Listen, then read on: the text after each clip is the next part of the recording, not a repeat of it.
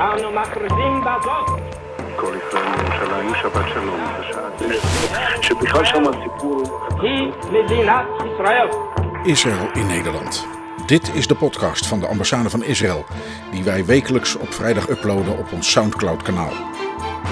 In de podcast is er aandacht voor het grote verhaal van Israël, maar ook oog voor detail. Gesprekken met diplomaten en met gewone burgers. Joodse feesten en innovatie en toerisme.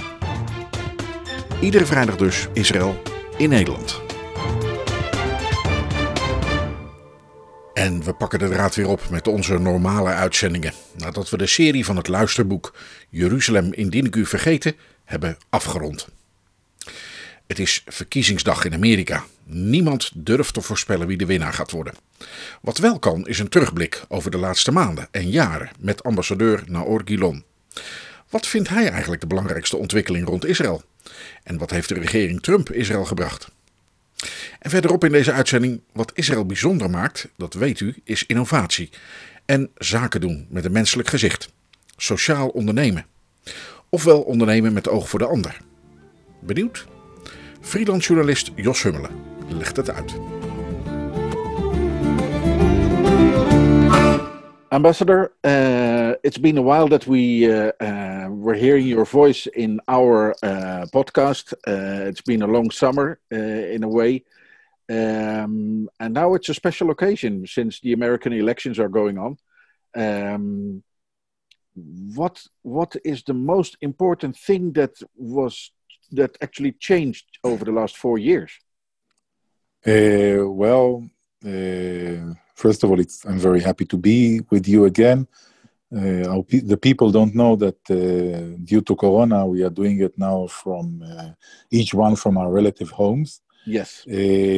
I think that the most important development we have just seen, the, what we call the Abraham Accords, the change in the Middle East when countries who had relations with Israel over the years, but did it on a discreet way because of pressure uh, in the Arab world have decided to uh, take these relations out to the open UAE, then Bahrain, and now Sudan is getting closer to Israel, and there are other countries.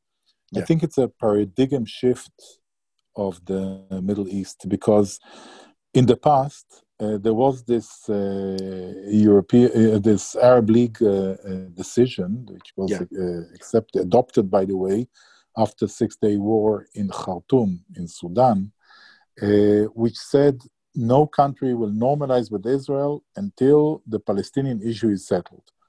Now, from Oslo, from 93, we have been trying to settle the Palestinian issue with uh, very limited success, I would say, uh, even some developments to the worse during the time, like Hamas taking over Gaza from the Palestinian Authority and everything. Yeah. And uh, I think that what happened is that Arab countries, moderate Arab countries, understand that they have bigger interest than just the Palestinian issue. It's not that they don't care about the Palestinian issue, but it cannot uh, come before their own people's interest. Leaderships, responsible leaderships, cannot act this way. No. And uh, they have a lot of interest with Israel. They have an interest, an economic, uh, scientific uh, interest to cooperate with Israel. Uh, they have a military interest to cooperate, security military uh, interest to cooperate with Israel, since uh, they see Iran as their biggest threat and Israel probably as the country that is uh, confronting the Iranians uh, the most. And uh, I think they put it forward and their interest. And that's why we see now this wave of normalization which I hope uh, would continue. It's a very positive message to the Middle East, I think. Yeah, um, you, you, talked. You called it a, a paradigm uh, uh, shift. Is it really that fundamental, that important? You think? When was yes, the last I time that we had such a shift? Actually. Yeah, yeah. You know, these are the after Jordan, Egypt, and Jordan, who signed, uh, who have neighboring and uh, borders with Israel, and there was a ter- territorial issues issue with them. Yeah, uh, meaning that uh, it was an exchange of territory for peace in a way. Mm-hmm.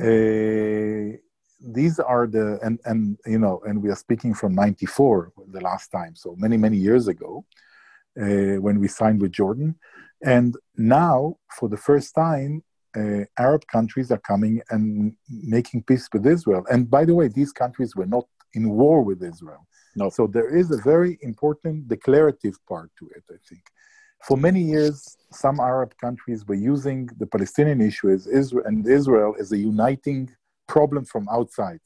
So many of these countries had problems, and they could deflect the attention of their of their people by saying, "But the real issue is the Palestinian issue." So we have a problem now of uh, lack of uh, food or bread or electricity, but you understand it's because we support the Palestinian cause, etc., etc. Yeah. Now. I think that these leaderships, or not these, not the same countries, but in ger- general, the, the pragmatic leaderships are saying enough is enough. We have our own interest, and we have to prioritize the interest to make our people better and uh, more successful. And I think the American role here was extremely important. Of course, they were working on this uh, on this Abraham Accords. I think from quite the beginning. And then came the deal of the century that was rejected by, by the Palestinians. And I think, by the way, that the Palestinians Palestinian people, let's say, are in a way a victim of the situation because they're a victim because they have a, a leadership which can lead them nowhere. So uh, now, what the Palestinians are, the Palestinian leadership is doing, is that it's fighting with all the countries which are the biggest supporter of the Palestinians. They they gave millions and milli- millions and hundreds of millions to the Palestinians over the years and political support and everything. Yeah. And now, because they decided to uh, normalize relations with Israel, these countries, the Palestinian leadership went, went against them. So it's they're creating the, this leadership instead of leading the Palestinians to peace, they are leading them to be lonely instead of uh, supported. And uh, and I think it's a real pity for the Palestinian people that they don't have the leadership they deserve. Isn't it just a, a matter for the Palestinian people to elect a new leadership in, the, in that case? Well, election in the Palestinian uh, system yeah. is not uh, is not something you do easily. You understand that they are already many, many, many years since they had the last elections. They should have had elections, but uh, it's not a organized democratic uh, system as we, no. we, we know, and so it's it's a more complex issue. There, they they are afraid. Uh, the Palestinian Authority people are uh, afraid to lose grip, uh, political grip and factual grip. They make a lot of money there. There is a lot of corruption, and so I don't think that the elections uh, will happen soon. And uh, I'm not sure. I'm not sure this is this will work for the Palestinian people in the forthcoming future. No, no. But I, I wanted to say something before also, which I think is important to emphasize that I saw some uh, coolness coming from uh, different capitals about the Abraham Accords, and the main consideration behind it is that ah, we are deserting the Palestinians. So, first of all, I want to say that uh, no one is deserting the Palestinians, neither is Israel. We also, I think that in some ways, we think about the Palestinian people uh, probably more than their leadership do. and uh, beyond that, uh, I must say that the UAE, for example, conditionalized its uh, normalization of relations with Israel for Israel uh, dropping the idea of implementation of the Israeli rule over some parts of Judea and Samaria. Yes. So there was also a victory to the Palestinians. The Palestinians are fighting this uh, this initiative by Israel very strongly international arena, and the people who delivered for them the the stoppage of this were Yeah. the UAE. So there are also elements there, I think, that are contributing also to the Palestinian people, but uh, their leadership unfortunately decided to ignore the p- good. But I want to say that you know, in Europe, people some some were called to the idea, Yeah. and the question is, what? I mean, people are signing peace. What do people in Europe or leader, leaders in Europe, politicians in Europe prefer? That we have war. So the alternative of peace is war sometimes. Not, and I hope not, not in the UAE case, because as I said, of Bahrain, we had uh, good relations with them for years. But Sudan, Sudan, which was a big supporter of terror organizations, Hamas, uh, Hezbollah, many were using Sudan because it was a no man's land and they were they had leaderships there supporting them, the past past leaderships of Sudan. And part of the deal now was also uh, having them off the list of terror supporting groups, American list. So I think that uh, Europe, for example, have to be has to be very very happy and content that Sudan is coming out of the list, is trying to bring itself back to the family of normal countries, law-abiding, anti-terrorism, etc., etc., and and they should support it full-heartedly. It Yeah. prevents, or it can help prevent what we just saw in in in Vienna the other day and in Paris. So Yeah. you know, fighting terrorism is important. Um, um, what what is the problem you think in Europe? Uh, why the cold uh, response to something positive in the Middle East? Uh, you know, it, it has been quite a while that there was something positive to to mention from the Middle East. So now now there was something going on, and then this cold response in Europe. What what's the problem? You think? because I think that Euro- Europe got used or fell in love with the narrative, the Palestinian narrative that uh, everyone has to be in conflict with the old Arab countries, but also in Europe, uh, has to have to be in ki- some kind of a conflict with Israel until the Palestinian issue is resolved. Well, to so to resolve the Palestinian issue, we uh, need also the Palestinians. It's not enough to have one side willing to do so. So, so. Uh, in Europe also, some countries uh, created a situation where the association agreement with Israel, meaning our, all our discussions on getting closer, more deals with the European Union, more agreements, etc., was uh, held hostage Yeah. to the situation on the on the Palestinian issue. So, meaning the Palestinians got the keys to the car of the EU-Israel relations by some European countries. So there, there is this you know, people fell in love or got used to this idea in Europe. And then uh, when they saw that countries are uh, not so-called abiding by their by this approach, uh, Arab countries, yeah, Yeah. Uh, they um they didn't like it. Uh, you don't you're not doing what we ask you to do in a way, which is very ridiculous, of course. Uh, but I think that at the end of the day, Europe also understood that it's a positive. Most in Europe understood it's a positive move, and uh, and slowly, slowly joined to support it. Yep. Now um, we are in the time of the American elections. Um, what is the uh, uh, the most important landmark that happened during the Trump years? I mean, we don't know as of yet. We don't know anything about what will happen after the elections, but uh, we can at least look back over four years of President uh, Trump um, being responsible in a way for uh, for uh, the American policy towards the Middle East. What, Yeah, I think that important for Israel? I, I- I think uh, Abraham Accords is one, and probably the change of approach to Iran from an appeasement and a bad deal on Iran. Mm. Uh, the Americans decided to uh, come out and, and go to full economic pressure, political pressure on Iran. I think the the Iranian econom- economy is suffering heavily. It's not that, the, by the way, the prioritization of the money that the Iranians do, the regime does have in Iran, is Mhm. also very unfortunate because instead of uh, they have less money today.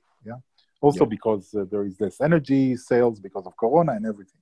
But instead of putting the money, all of it, back to the population so they can uh, have a relative um, convenience uh, of life, they are still continuing to uh, support the Iranians. All the, the ex- almost all the extremist elements in the Middle East. Wherever you see instability, usually Iran is invo- involved one, one way or another. Mm. We see it in Yemen, we see it in Syria, we see it in Iraq. Uh, we saw that attempt on Bahrain, the shooting from Yemen at Saudi Arabia. Yeah. So I think that the Iranians are all around the instability in the Middle East and using their money instead of uh, helping their own population. So I think this is a, a, the, the landmark, maybe, is the Iranian deal. I think that this also was part of paving the way to the Abraham Accords because the Gulf countries felt that they have the Americans on their side on the Iranian issue that for which for them is the biggest uh, issue probably. Yeah, yeah, yeah. Now, the Trump administration also moved uh, the American embassy to Jerusalem. Is that important also? Yeah, it's important. I think the whole deal of the century, moving the embassy to Jerusalem, they did many important moves. But I think that at this time, it's also, you know, I served in Washington also in the past. And I think that one of the biggest points of strength of Israel was always being bipartisanship, in the sense mm. that the support to Israel was not uh, uh, was not uh, uh, uh, ownership owned by one of the parties, either Republicans or Democrats. Both parties, usually majority, uh, supported Israel. I, I think that this will be our challenge to continue this situation, regardless of the outcome of the elections. Mm-hmm. I think it's very important for the security of Israel. It's true that the Trump administration was very, very uh, friendly and helpful in the Middle East, in stabilizing the Middle East, and helping Israel, in fighting Iran in many, many ways. But uh, I'm sure and I hope that we are able, regardless of the outcome of the elections, we can uh, we can continue having this very important, intimate dialogue with the, the U.S. administration. Now uh, it's uh, it's going to be election day in America. Are you? Is it going to be a long night for you because you're going to watch everything on the TV, or are you going to bed and you will watch the news tomorrow morning? Well, I don't know yet. I'm not. I'm not a strong sleeper as it is. Last night uh, I was uh, awake. Now you can know when we recorded it because I was trying to gather information about Vienna attack. Yeah. But uh, in general, uh, most of the experts agree that uh, it might be a very close call, and the decisions will not be no. Or the the decision of the public might not be known at the end of the night. So this is something we have to take in calculation. I'm following it very closely. I must say, uh, I, I, hear the experts who say that the key is probably Pennsylvania more than anything else. If we have a, a, a final result in Pennsylvania that is going towards Biden, uh, he has good good uh, chances to win. That's what I heard from the experts. Uh, and Florida is the second one that will be very very relevant. Who takes it? Uh, but it's very interesting to follow. I'm not sure all night. I'm not sure that even if we stay awake uh, by the morning, we know the, the outcome. I still remember I was uh, uh in Washington uh, shortly after the, the first election of Bush Jr. Yes. George W. And that was the, if you remember, like 30 days thing in Florida, counting yes. every recounting, recounting. and every yeah. yeah. It was like a mess. Uh, I don't know. It might be a landslide to one side or another. A big surprise, because we know that predictions failed. But uh, I, will probably follow uh, part of it. Good. Then, in that case, I wish you a good night. Me too. Thank you. Thank you very much.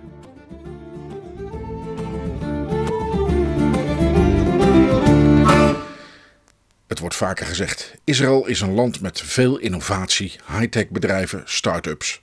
Allemaal heel snel en digitaal. Maar wist u dat een andere ontwikkeling, sociaal ondernemen, ook hoge ogen scoort in Israël? Dat je een onderneming start, maar daarvan is winst maken niet het grote doel. Het gaat erom verschil gemaakt te hebben. Het gaat om de toegevoegde waarde. Geld is secundair. En dat intrigeerde me zou het soms iets te maken hebben met de Joodse traditie? Ik las hier allemaal over op de LinkedIn-pagina van freelance-journalist Jos Hummelen, die er op verschillende online platforms artikelen over schreef. Zelf zegt hij erover: ieder zijn projectje tijdens de zomer. Ik had wat minder werk en wilde altijd nog iets met mijn inspiratie naar aanleiding van de Israëlreis, die ik maakte in de zomer van 2019.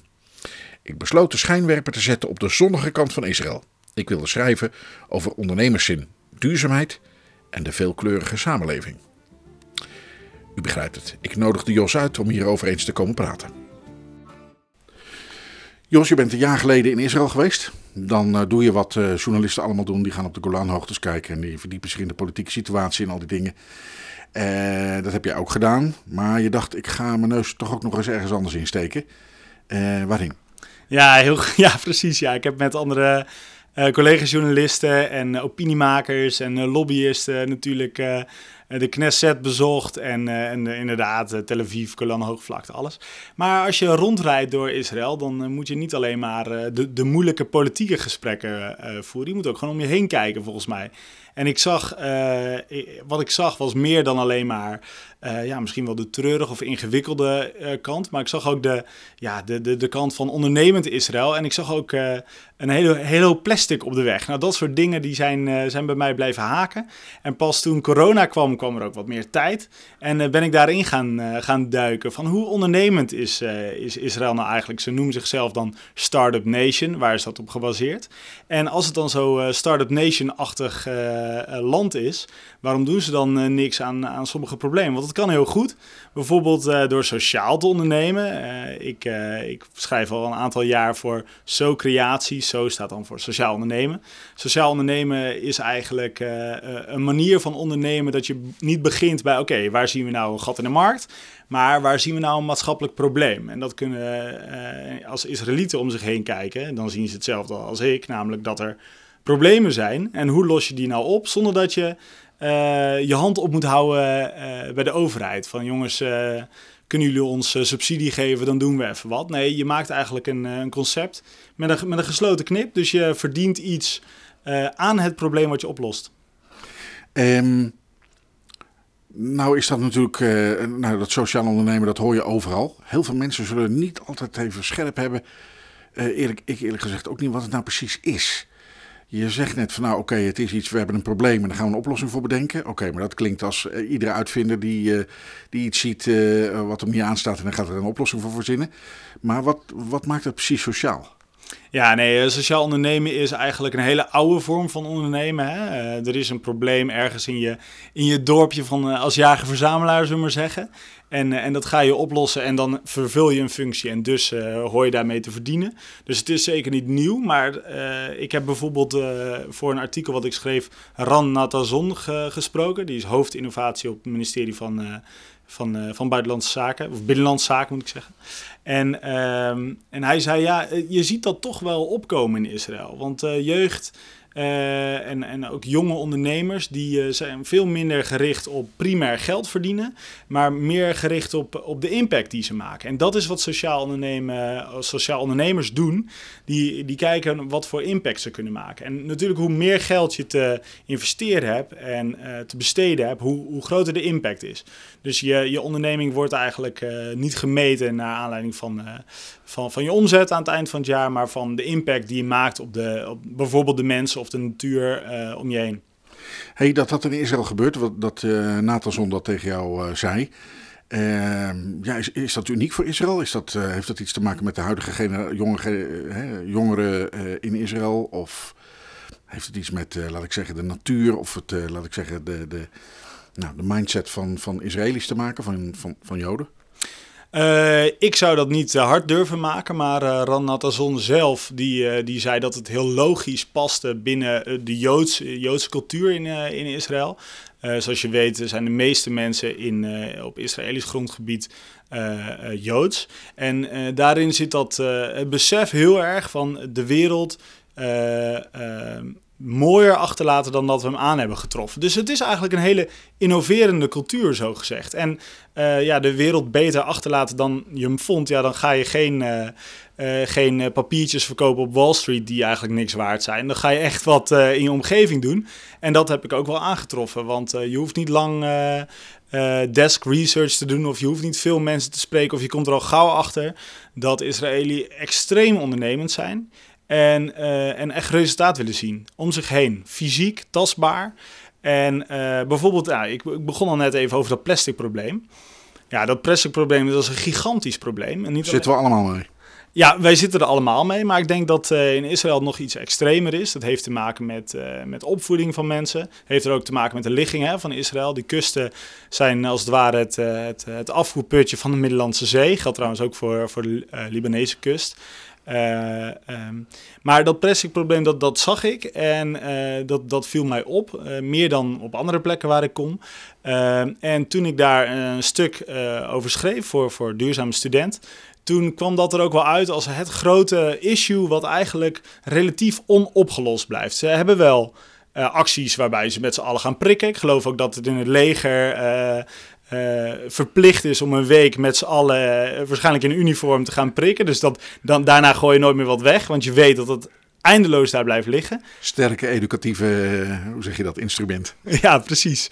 Ja, dat, dat neem je van mee, denk ik, als je een week acht uur lang aan het prikken bent in een brandende zon. Ehm, nee, maar dat heb ik gezien en ik heb dat ook gewoon geschreven zoals het was. Is het nou allemaal fantastisch met dat duurzaam ondernemen? Nou niet. Bepaalde problemen die, die blijven.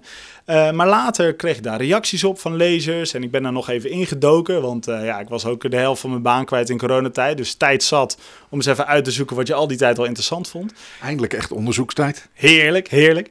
En eh, ja, toen kwam ik er wel achter dat er wel degelijk ook B2B, dus business-to-business eh, initiatieven zijn. Ja, en die zetten natuurlijk meer zoden aan de dijk.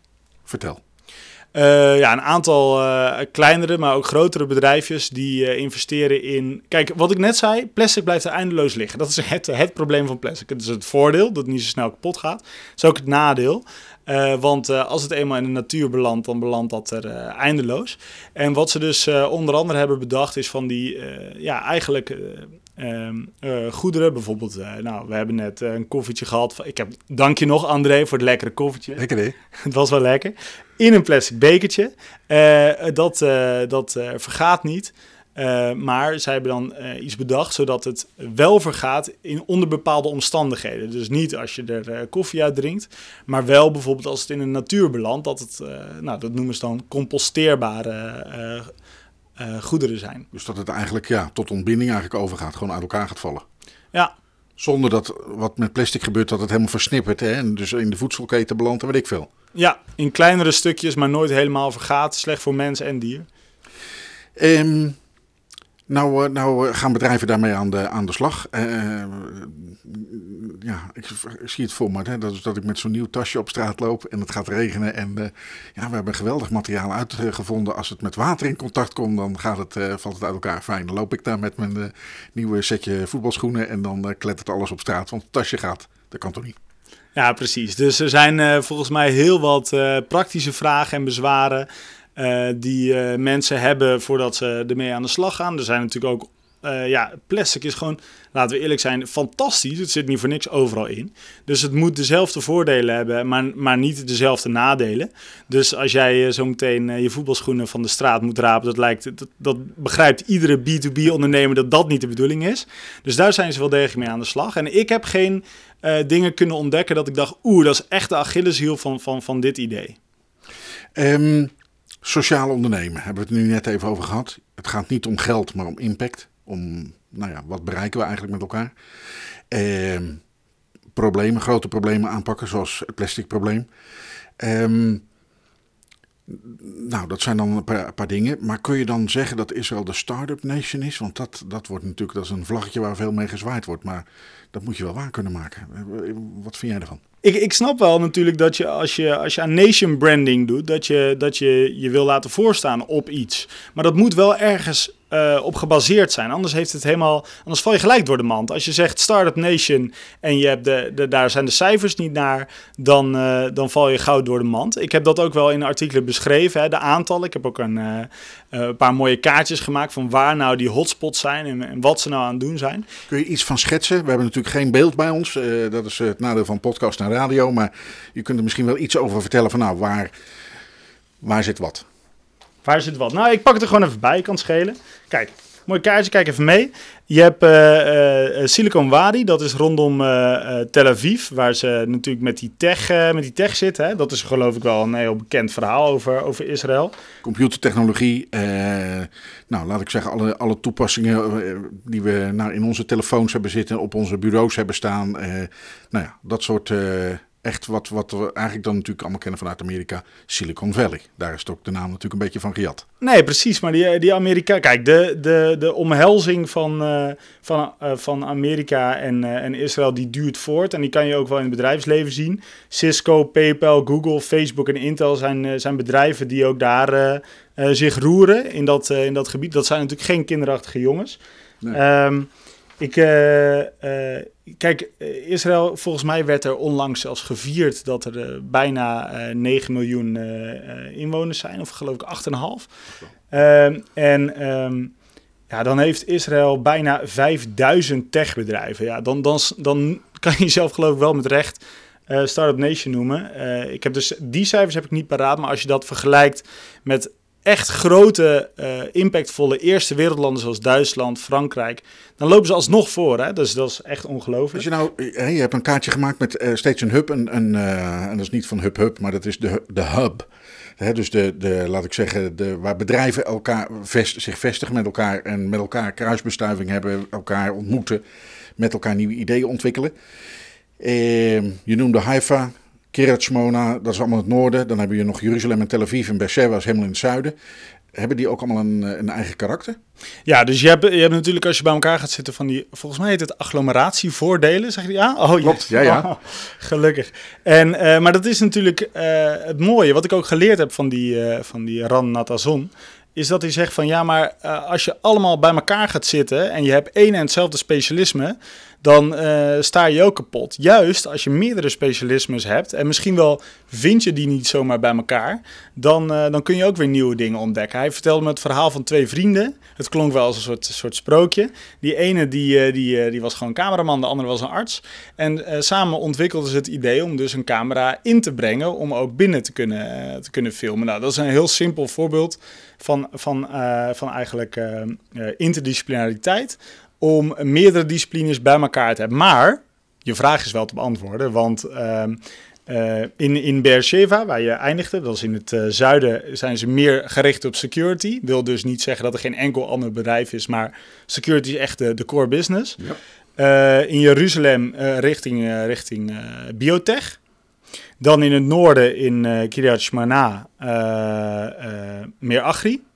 Dus, dus Alles wat met landbouw te maken heeft, nou ja, de kassen, al, al, al die, heel die industrie. Ja, ik vraag me eigenlijk eh, ter plekke af hoeveel mensen van de Wageningen Universiteit en Research daar hebben gekeken. Hè? Want het gaat echt over toepassing van drones, precisielandbouw, misschien ook wel circulair.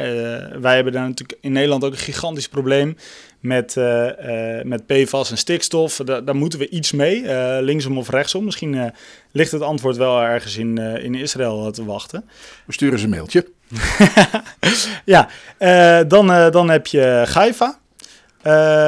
Meer medisch gericht. En dan zijn, dan zijn we eigenlijk thuis, hè? De- Want dan komen we bij het bekende bedrijf wat altijd in Eindhoven zat, maar tegenwoordig in Amsterdam. ja, van waar de Philips Sportvereniging naar vernoemd is.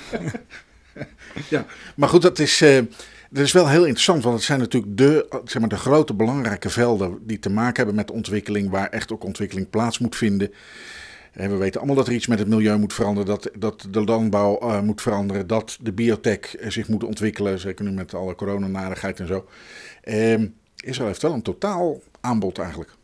Ja, ik, eh, ik zie eh, van, van, eh, van de dingen die eh, een beetje in, in, in zwang zijn. Tegenwoordig zie ik hier geen, eh, geen, eh, geen gat. Eh, en ik denk ook eh, ja, door die enorme aantallen start-ups, dat dat, eh, als er dan een gat is, dat het ook weer snel wordt, wordt opgevuld. De volgende keer als ik naar Israël ga, dan wil ik wel zo'n zo'n tour doen langs al die hubs en echt kijken wat ze nou echt maken en daarmee over schrijven. Want, eh, want dat lijkt me ook beren interessant. Ik heb het nu een beetje van een afstandje gedaan. En eh, nou, die eh, meneer Natterson en nog, nog wat andere mensen heb ik geïnterviewd. Maar die waren heel bereid om er van alles over te vertellen. Maar ik wil natuurlijk eigenlijk echt zien met mijn eigen ogen. Dan wil ik naar die hubs gaan. Ik wil die ondernemers spreken. Dan wil ik het, wil ik het kunnen vasthouden bij wijze van spreken. Wil ik echt weten hoe het zit. En misschien daar, eh, daar ook over schrijven, zodat eh, Nederlandse ondernemers daar weer van leren. Want eh, ja, als we naar Israël kijken, dan zien we, dan zien we problemen. Maar we zien, je kan ook dus heel veel oplossingen vinden. Jos, dat is leuk, want dan hoeven we nu niet eh, eh, de finale punt te zetten. Maar dan zeggen we tot de volgende keer. En dank voor eh, dit gesprek. Ja, leuk. Hartelijk dank.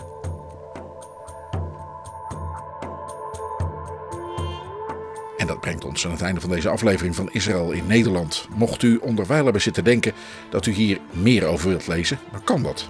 Gaat u dan naar ons Soundcloud kanaal soundcloud.com slash Israël in Nederland. En dat moet u gewoon allemaal aan elkaar schrijven. Nog een keer het adres soundcloud.com slash Israël in Nederland. Voor wat betreft Israël en Nederland, dank voor het luisteren. Graag tot komend weekend.